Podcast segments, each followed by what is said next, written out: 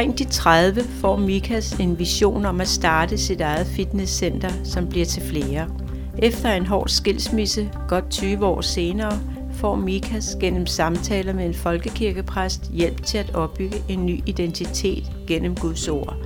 Tilbage i branchen fejlinvesterer han, og banken stiller ham over for et ultimatum, og under stort pres fortæller han Gud, at han ikke gider mere. Men Gud minder ham om visionen. Dag er Mikas gift med Arina, og hun har børnene Isabella på 6 og Lukas på 5 år.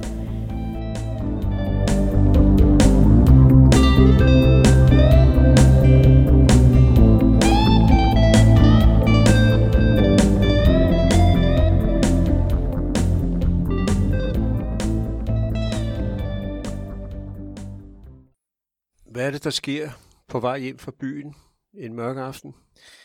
Hvor du er, hvad er du, 16? Jeg er cirka 16 år gammel der, ja. Der var, det, det var en anderledes aften. Normalt vil jeg aldrig stå min cykel og trække op ad en bak. Aldrig nogensinde. Øh, men den her aften var der ligesom om, at der var nogen, der fulgtes med mig. Og jeg når til den her bakke, og jeg når helt op, så står jeg af og står helt stille. Og jeg har oplevelsen af, at der er en sammen med mig. Det er Jesus. Han banker på hos mig og siger, jeg vil rigtig gerne følges med dig gennem livet. Der var ikke nogen, og alligevel var der nogen. Jeg står der på den her bakke, helt op på bakken, og, og kigger ud i den her helt klare og stille, øh, kølige aftenluft, og står og, og, og, og tænker, følges med Jesus. Og jeg beslutter mig for, at det må være rigtigt at gøre, så jeg tager beslutningen og siger ja til Jesus. Øh, og der sker noget i, i mit liv den aften. Hvad er det for en vision, du får øh, omkring 30-årsalderen? Omkring 30-årsalderen, der har jeg øh, en periode, hvor, hvor hver gang jeg har stilletid med, med, øh, med Jesus, så dukker, øh, så dukker fitnesscenter op i min bevidsthed. Ja, vi sidder faktisk i et fitnesscenter nu. Ja, det gør vi. Historien starter helt tilbage fra, at jeg var på det her teamcenter i Brande, hvor der var en anden en, der gik i, øh, i fitnesscenteret, og han tog mig med. Og jeg blev, jeg blev bit af det. Jeg blev sådan rigtig bit af det. Øh, jeg var helt vild med at komme i miljøet der, og, øh, og, og vægttræne. Det mærkte en oplevelse, som min, min fysiske øh, velvære fik af at, at gå i fitnesscenter. Og øh, øh, har faktisk lige siden øh, på ugentlig base passet min træning i fitnesscenter. Øh, og så i en alder omkring 30 år øh, bliver, det, bliver det til mere end det, der, der dukker det op, at jeg skal starte mit eget fitnesscenter. Øh, og jeg kan ikke slippe tanken. På det tidspunkt øh, kører jeg som, øh, som tekniker for, for et firma og laver dørautomatik, som, som på en side var et, et rigtig fint job, og, og jeg var egentlig også glad for det, men jeg kunne slet ikke klare tomrummen med at, at skulle have den samme hverdag, hvor jeg ikke følte, at jeg blev udfordret, og jeg ikke følte, at jeg var i mit rigtige element. Øh, så et dejligt job, men, men alligevel utilfredsstillende. Hvor, hvor det med fitnesscenter, der følte jeg, at, at jeg var i mit rette element. Så, så jeg blev jo i, i mit hjerte begejstret, glad, øh, opmuntrende, når jeg gik og tænkte på, at jeg måske kunne eje mit eget fitnesscenter. Så jeg kastede mig ud i at, øh, at starte et fitnesscenter, øh, ud fra en, en vision og en drøm, som jeg fik, når jeg havde stilletid med Jesus. Øh, hvilket faktisk på en måde var, var, øh, var lidt en overvindelse for mig, fordi efterfølgende meget af det kristne miljø, jeg har kommet i, øh, forskellige kirker og, og, og kristne sammenhæng, oplevede jeg mange kristne så ned på fitness og så det som en form for, øh, for negativ øh, brug af tiden, at man valgte at gå i et fitnesscenter, og man var så kropsbevidst, at man ville træne sine muskler og, og, og, og, og være i det miljø. Og, og nogle kristne mennesker henvendte sig faktisk til mig og sagde, at det var afgudstyrkelse. Så jeg gik meget stille med dørene i en lang periode omkring det her. Jeg delte det faktisk ikke med nogen mennesker, men det blev ved med at brænde i mit hjerte. Så jeg kunne ikke gå fra det. Så jeg oplevede, at hvis jeg skulle være tro mod mig selv og tro mod min relation med Jesus, så var jeg nødt til at gøre det. Og så gjorde jeg det. Hvorfor endte det med skilsmisse 21 år efter, når du troede, at det var Guds vilje, at I skulle have hinanden? Det er nok et spørgsmål, der er svært at svare på sådan meget kort, fordi at, at at øh, 21 år i ens liv øh, fylder meget. Øh, og det er jo et spørgsmål, som, som gør ondt i mig, når du, når du spørger mig om det. Øh, men alligevel så har jeg også valgt at, at, at være ærlig omkring det og se det i øjnene. Øh, Øh, at det er sådan, det blev i mit liv. Mm, hvorfor? Det korte svar, det er nok svært at give, men, men øh, en del af svaret er nok, at, at vi var to mennesker, som, øh, som kom fra hjem, hvor vi begge to var, øh, var opdraget på en måde, som havde skadet vores personligheder. Øh, så vi var ikke... Øh, vi var ikke de mennesker, vi burde være over for hinanden. Øh, og, og nu kan jeg jo ikke svare for min ekskone, men, men jeg kan svare mest for mig selv. Øh, jeg havde rigtig mange sår med fra min, øh, fra min barndom, og det var jeg ikke bevidst om, at jeg havde. Øh, jeg har sådan en lille slogan, som jeg siger til mig selv tit. Øh, det siger jeg sådan her, at verden er ikke, som verden er. Verden er, som du tror, verden er. Og der var rigtig meget af den verden, jeg levede i, øh, den var forkert. Øh, min selvopfattelse øh, havde, havde lidt skade af, af min barndom, og øh, den måde, jeg agerede på i forhold til at respektere andre mennesker, øh, havde også lidt skade. Så var der rigtig mange ting, at det, jeg troede var rigtigt, det var forkert. Måder, jeg, øh, jeg valgte at være på og prioritere på i forhold til relationen var forkert. Øh, der var nogle mennesker, der skulle have guidet os og hjulpet os i vores relation, så, så vi kunne have mødtes og bygget sammen, i stedet for at have, have levet hver vores liv og bygget hver vores liv. Så på et tidspunkt øh, ender vi i en situation, hvor, hvor alt er presset omkring os, og vi har i en længere overræk øh, haft, øh, haft uro i vores forhold. Og, og på et tidspunkt, hvor, hvor jeg har en meget svær tid øh, som menneske og forretningsmæssigt, øh, øh, der revner det hele på hjemmefronten for os. Og det ender så desværre med en skilsmisse. En dag du kigger dig selv i spejlet, hvad, hvad var det så for et spørgsmål, du stillede dig selv? Ja, det er også et af de spørgsmål, som du stiller mig, der gør lidt ondt på mig, men øh, efter skilsmissen øh, ender jeg i, i, i en meget reflekterende periode, hvor jeg spørger mig selv, hvad er det, der er gået galt her? Hvad er det, der er gået galt? Øh, vi ender i, i nogle... Øh, igennem nogle forskellige situationer, min ekskone og jeg og, og vores to piger, hvor, hvor, hvor jeg får nogle voldsomme anklager imod mig som menneske, som jeg slet ikke forstår. Øh, så, så jeg ender i en situation, hvor min, min ekskone jo er, er flyttet, og huset er helt tomt. Hun har taget alting, alle møbler og alt. Jeg har min egen seng og, og min personlige ejendel tilbage. Alt andet er væk. Øh, der står jeg i, i et helt tomt hus ude på badeværelse og kigger ind i spejlet og spørger mig selv, hvem er du egentlig? Øh, og det spørger jeg ærligt og frustreret øh, og søgende efter, hvem er du egentlig? For jeg er usikker på mig selv, og jeg er usikker på, øh, hvad for et menneske jeg er, grundet at jeg ender, hvor jeg er endt øh, med de anklager, min ekskone øh, kommer med mod mig om, om min, øh, specielt min yngste datter. Øh, og, og det spørgsmål øh, sender mig ind i en, i en fase af mit liv, hvor jeg, jeg synes, jeg har frit fald. Jeg ved ikke, hvem jeg er. Jeg er, øh, er følelsesmæssigt øh, helt tom, og øh, kan ikke mærke mig selv. Jeg kan, jeg kan ikke navigere mig selv nogen steder. Jeg kan ikke rigtig finde ud af at leve. Jeg øh, kan hverken finde hoved eller hale i noget. Øh, på det tidspunkt har jeg en, en, heldigvis en meget øh, lojal og trofast ansat, som, som tager min forretning over. På det tidspunkt havde jeg kun tre fitnesscenter, øh, men det overgiver jeg helt den daglige drift til, til min ansat der, og, og han kører min øh, fitnesscenter for mig i, i små to år, hvor jeg trækker mig helt tilbage for at finde ud af, hvem, hvem er jeg egentlig? Øh, og det, har, det, det var noget af en rejse at, at finde ud af, øh, hvem jeg egentlig var. I, i den periode havde jeg, øh, jeg havde valgt øh, kirken fra, jeg havde valgt øh, øh, et aktivt liv med Gud fra. Ikke at jeg valgte troen på Gud fra, eller Jesus fra, for det ville jeg aldrig kunne. Men jeg var usikker på, hvem Gud var over for mig, fordi jeg var ind i en skilsmisse, jeg var ind i en situation med anklager på mig som menneske, jeg ikke forstod. Og jeg var slet ikke sikker på, hvordan Gud han så på mig som menneske i den situation, jeg var i. Så jeg var, jeg var frustreret og dybt ulykkelig, og jeg anede ikke, hvad jeg skulle gøre for at få fat i livet igen. Det eneste menneske, jeg faktisk turde henvende mig til, det var min mor. Øh, øh, så jeg husker tydeligt en, en, en dag, hvor jeg, jeg sidder derhjemme, og jeg er helt ulykkelig og frustreret. Jeg ringer til min mor og siger, mor, jeg aner ikke, hvad jeg skal gøre. Jeg aner ikke, hvad jeg skal starte hen, hvor jeg skal slutte hen, hvad jeg skal starte, hvad jeg skal gøre. Jeg, min mor kommer over, og vi sidder og drikker en, en, et krus te sammen, og hun ved faktisk ikke, hvad hun skal sige til mig, enten hun bare lytter på min frustration. Så opsøger du en folkekirkepræst. Hvordan gik det til?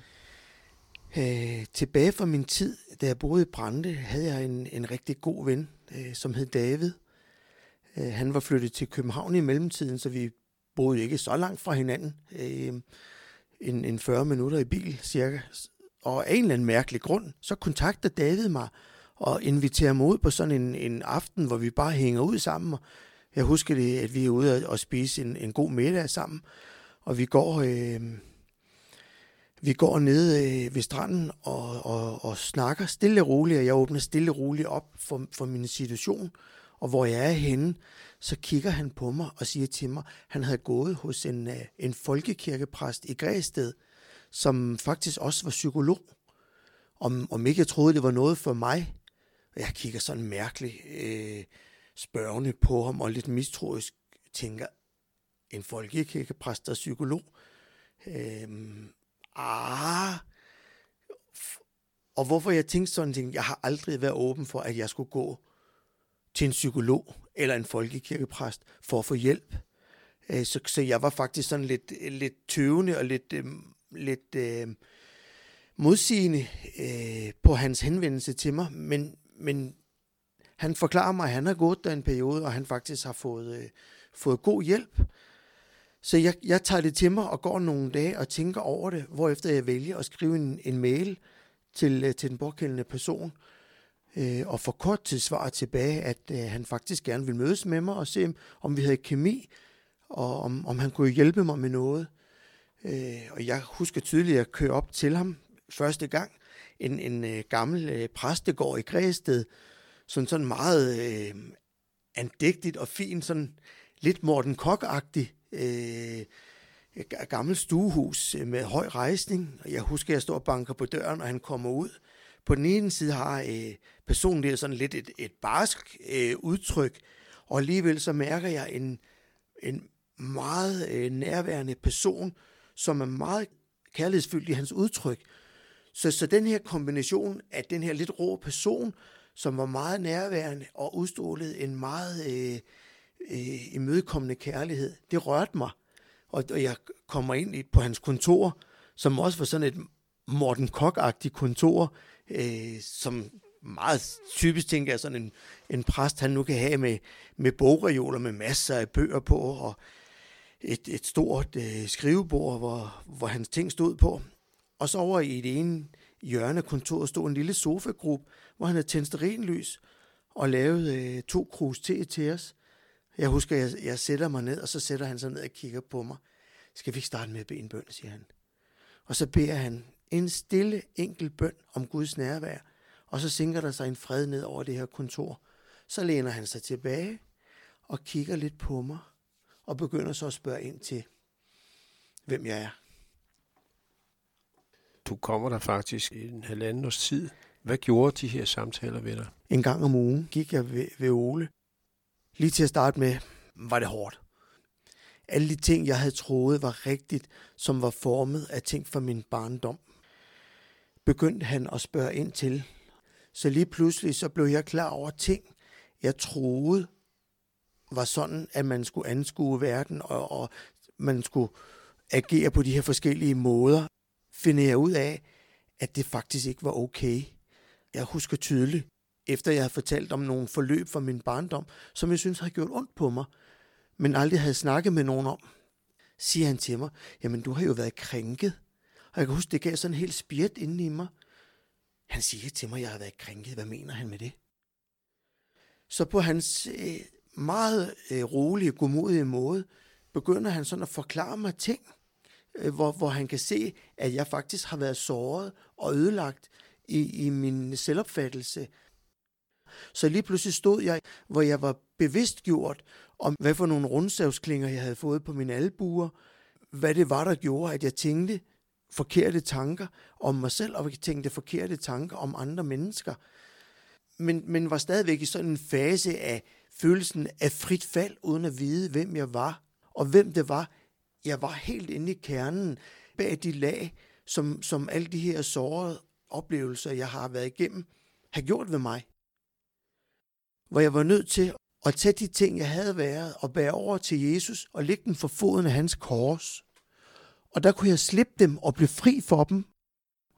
Så havde jeg nu chancen for at begynde at skabe en ny person, som jeg kunne se i Bibelen, ud fra alle de her fantastiske skriftsteder, hvor du kan se, hvilke skaberværk Gud han har skabt mennesket til at være. Så, så for mig var det en ny chance til at finde mig selv som det unikke menneske, jeg er, og som jeg kan se i Bibelen, jeg er skabt til at være. Sideløbende med det her læste jeg en bog af en amerikansk forfatter, der hedder Stephen Covey, som hedder øh, De syv gode vaner. På engelsk hedder bogen The Habits of Most Successful People. En bog, som tydeligt var med til at klargøre relationer til andre mennesker, hvordan vi kan opleve verden med forskellige paradigme, hvordan vi oplever os selv, hvor jeg havde oplevelsen af, at, at Guds ånd guidede mig igennem det og ledte mig til forskellige øh, punkter i skriften, hvor jeg kunne se mig selv, samtidig med at han brugte den her bog, som jeg synes var meget, meget lærerigt for mig at læse.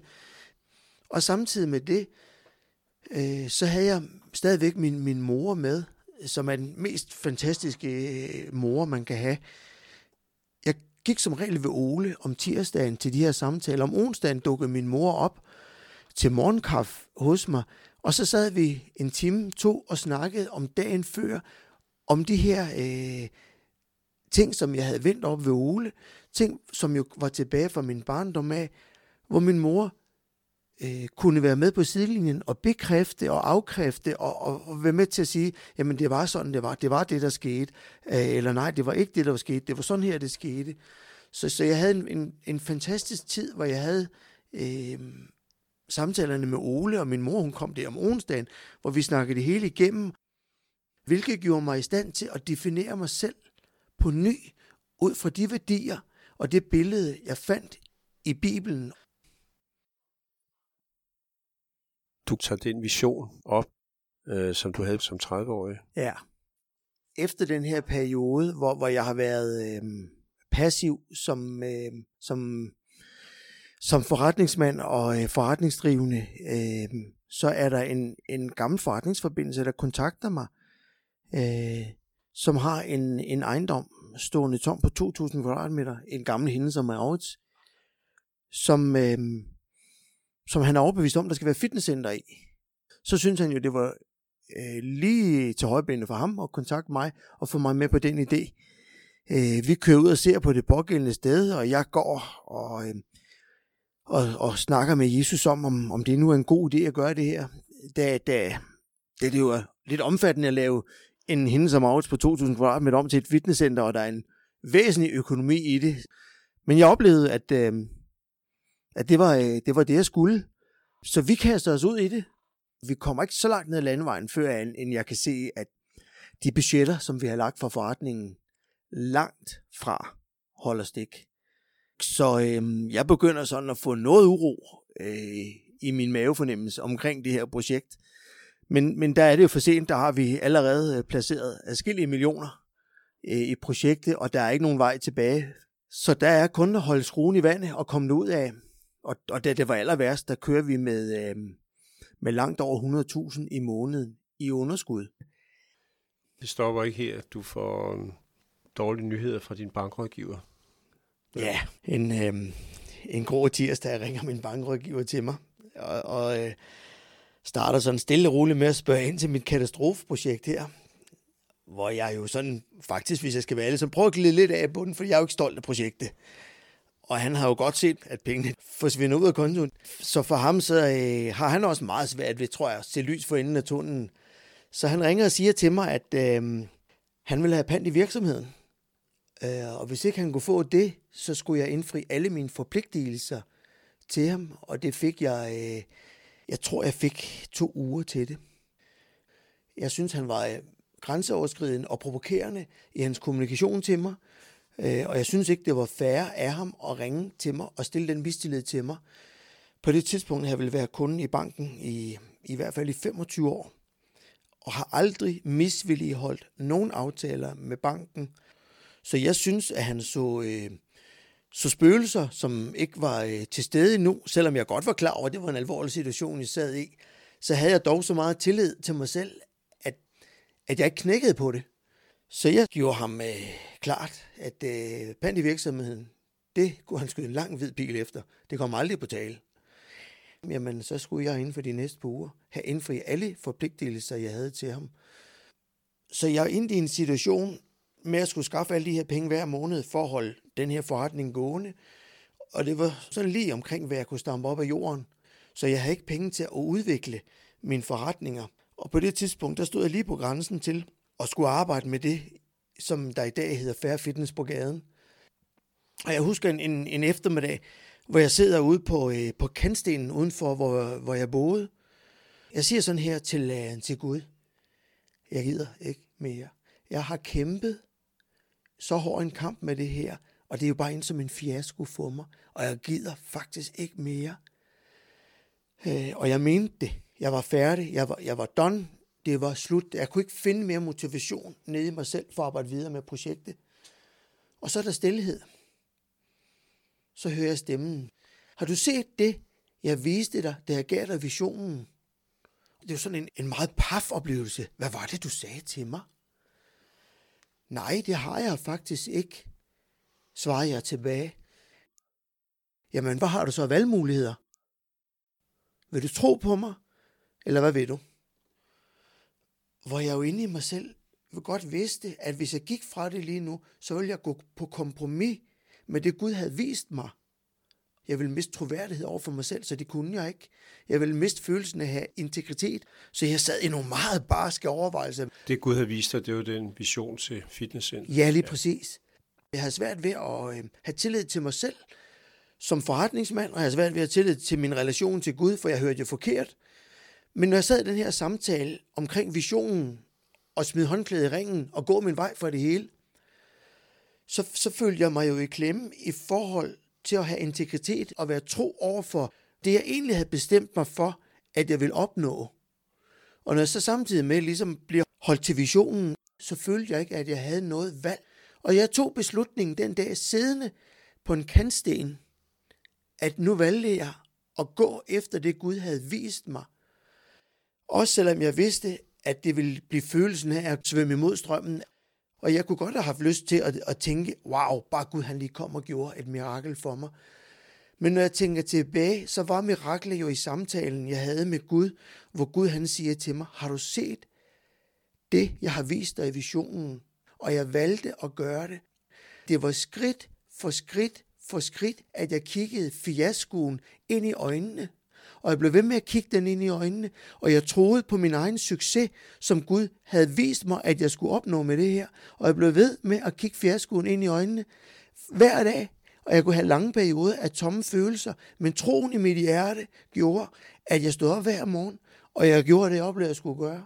Og når jeg kigger tilbage, så har det været en fantastisk tid, hvor Gud hver eneste skridt, hver eneste dag, hver eneste beslutning var med mig. Og når jeg sidder og kigger på, på mit kontor lige nu, så sidder jeg og kigger på to gazeller, som jeg blev kåret til at få. Og det betyder, at man har haft så meget vækst i sin virksomhed hen over en årrække. Så får jeg taknemmelighed til Gud, at han valgte at sætte sig ned sammen med mig på kantstenen og vise mig visionen en gang mere og spørge mig, om jeg havde set det. For i dag lever jeg i det, Gud han viste mig for mange år siden.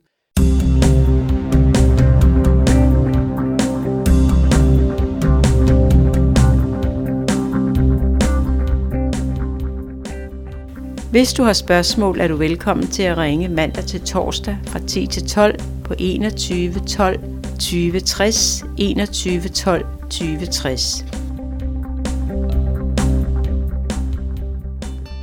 Optaget og redigeret af Kirsten og Bjørn Hansen i 2021.